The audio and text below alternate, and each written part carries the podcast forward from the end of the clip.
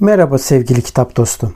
Yayına geçmeden önce bu yayının yapılmasını sağlayan Ankor'a teşekkür etmek istiyorum. Ücretsiz olan Ankor, podcast'inizi doğrudan telefonunuzdan veya bilgisayarınızdan kaydetmenize ve düzenlemenize olanak tanıyan araçları mevcut. Ankor, podcast'inizi sizin için dağıtır. Böylece Spotify, Apple Podcast ve daha pek çok yerde sesiniz duyulabilir. Üstelik minimum dinleyici olmadan podcast'inizde para kazanabilirsiniz. Tek bir yerde podcast hazırlamak için ihtiyacınız olan her şey Ankor'da. Yayına geçmeden önce hadi vakit kaybetmeden ücretsiz Ankor uygulamasını indirin veya başlamak için ankor.fm'e gidin. Şimdi podcast'ime geçebiliriz. Merhaba. Kitapların izinden gittiğimiz kanalımıza hoş geldiniz. Bugün bu programda sizlere bu ay içerisinde hangi kitapları okuyup bitirdiğimi anlatacağım. Öncelikle ilk kitabımız aslında bir önceki videonun da konusu olan Mahmut Yesare'nin kitabı. İstanbul'un Antika Tipleri. İstanbul'un antika tiplerinde yazarın kendi üretmiş olduğu karakterleri nasıl ürettiğinin de ipuçları var. Kitabın başlangıcında Sirkeci'de bulunan bir meyhanedeki gözlemlerini görebiliyoruz. Daha sonraki kısımlarda ise Birinci Dünya Savaşı'nda özellikle Çanakkale cephesinden dönen askerlerin kendi özel hayatlarında neler yaptıklarına dair emareler karşımıza çıkıyor. Aslında bu yönüyle de baktığımız zaman yazarın kendi hayatından kesitler olduğunu görebiliyoruz. Zaten az önce belirttiğim gibi bir önceki videonun da konusu oluyor. O yüzden merak edenler Mahmut Yesari'yi o videodan izleyebilir. İzlemeyenlerse çok şey kaçırır. Bunu da belirtelim. Daha sonraki kitabımız ise Naci Bayburt'un Kan Donduran Anılar isimli kitabı. Bu kitabın iki cildini de okudum. Bu kitapta ne anlattığını anlamak için yine aslında yazarın kendi hikayesine bakmamız lazım. Naci Bayburt kendi hayatı emekli bir polislikten ibaret. Yani aslında sadece bir emekli polis herhangi bir memur polis gibi değil aslında. Onun yerine özel bir mesleğe bulunuyor. Nedir bu özel meslek? Olay yeri inceleme. Hem de bu olay yeri incelemeyi yapar iken o sırada olay yeri incelemenin hiçbir şekilde ülkemizde yer almaması biraz trajikomik.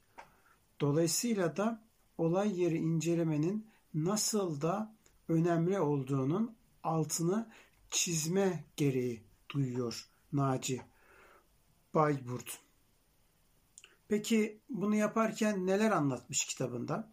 Aslında o kadar çok şey anlatmış ki bunlardan bir tanesi bu topraklarda cinayetin neden işlendiğinin o psikolojisine inmekle birlikte aynı zamanda delil toplamanın o kişinin hayatını nasıl değiştirdiğini, o katili bulmayı nasıl işe yaradığını, aynı zamanda sadece katil de değil, cinayetlerin nasıl işlendiğini, kimlerin yardımda bulunduğunu, hırsızlığın nasıl yapıldığını ve bu da yetmiyormuş gibi tüm bunların yanında nasıl bir ölüm ile karşı karşıya kaldığımızın detaylarını birebir ağızdan yani birinci ağızdan görebiliyoruz. İki kitapta da buna çokça yer vermiş. 2017 yılında emekliliğe ayrılan Naci Bayburt bu dönem sonrasında maceralarımı acaba neden yazmıyorum diye düşünüp ilk yazmış olduğu yazılarını aslında o dönemde emeklilik sonrasında çalışmış olduğu üniversitenin rektör yardımcısı olan Profesör Doktor Sevil Atasoy ki bu kişi aynı zamanda Kanıt isimli dizinin de senaristlerinden ve danışmanlarından bir tanesidir. Aynı zamanda da Üsküdar'da rektör yardımcılığı da yapan hali hazırda kişidir. Onun da arkasına arka söz yazmış olduğu yani bir kapak yazısı yazdığı bir kitaptan bahsediyoruz. Ve yine Naci Bayburt bunun yanında Üsküdar Üniversitesi'nde ve aynı zamanda İstanbul Üniversitesi'nde de olay yeri inceleme ekibinden kendi tecrübelerini savcılar, doktorlar, hakimler, hatta polislere dahi yani öğrenci olan polislere dahi özel eğitimler verme noktasına gelmiştir.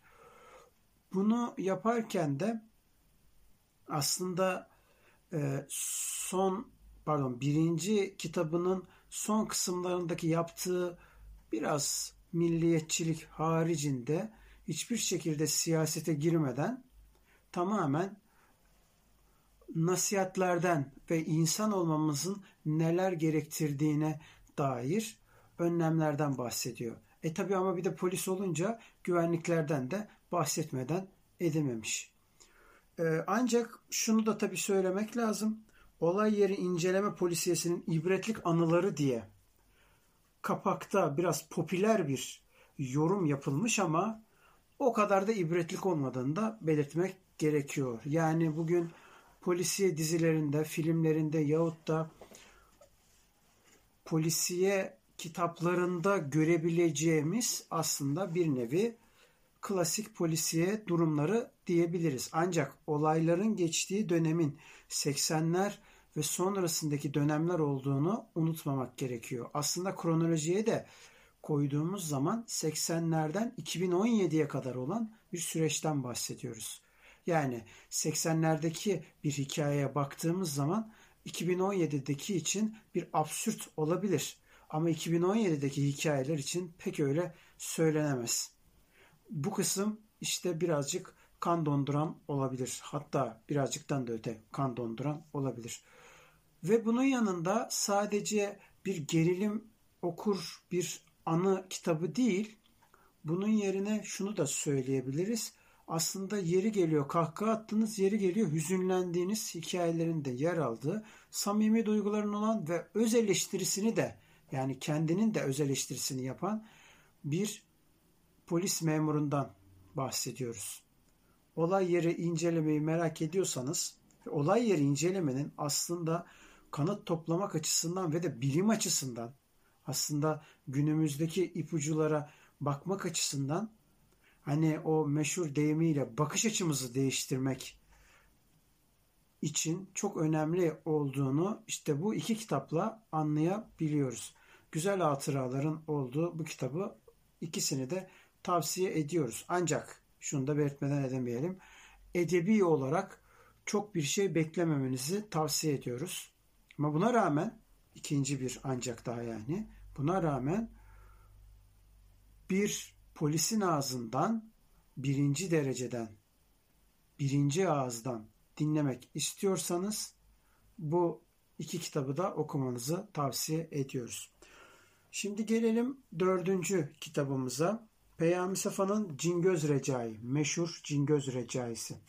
Aslında yazıldığı dönemde Osmanlıca yazılmış olan ve günümüzde de Türkçe'ye uyarlanmış olan bu kitap Peyami Safa'nın aslında polisiyenin bilinen yani Cumhuriyet'in bilinen diyelim ilk polisiyelerinden bir tanesi sayılabilir. En popülerlerinden bir tanesidir de hatta. Bunun yanında birçok filmler de çekilmiştir. Aslında filmlerinden de çok farklı bir durum yoktur. Sürekli kahkaha atan kendinden emin bir hırsızdan bahsediyoruz ve onu bulmayla e, psikolojisini neredeyse bozma noktasına gelmiş olan bir polisin, dedektif gibi bir polisin daha doğrusu maceralarını görebiliyoruz bu kitapta. Ufak hikayelerin olduğu bu kitap aslında biraz dinlendirici olmakla birlikte aslında güzel, şirin. Lakin yine belirtmek lazım. Bu ilk çıkan polisiyelerden olduğundan dolayı kıyaslamamız hiçbir zaman günümüzdeki polisiyelerin o modern, o bilimin kullanıldığı klasik polisiyeden daha farklı bir polisiye beklemeyin. Yani klasik polisiyenin ta kendisi bu polisiyeler. İşte böyle. Biz bu dört kitabı da kendi açısından tavsiyelerimizi bulunuyoruz. Ve yakında da yapmış olduğumuz yıllık YouTube programımızda zaten karşımıza çıkacak. Türkiye'de polisiyenin tarihini yani polisiye Türkiye'ye nasıl geldi, hangi süreçlerde geçti ve şimdi de hangi süreçte olduğuna dair videomuzu da önümüzdeki günlerde çekmeyi planlıyorum. Dolayısıyla da bizi takip etmeye devam edin. Kanalımıza da abone olup paylaşmayı ihmal etmeyin. Görüşmek üzere. Kitap ve dostlukla kalın.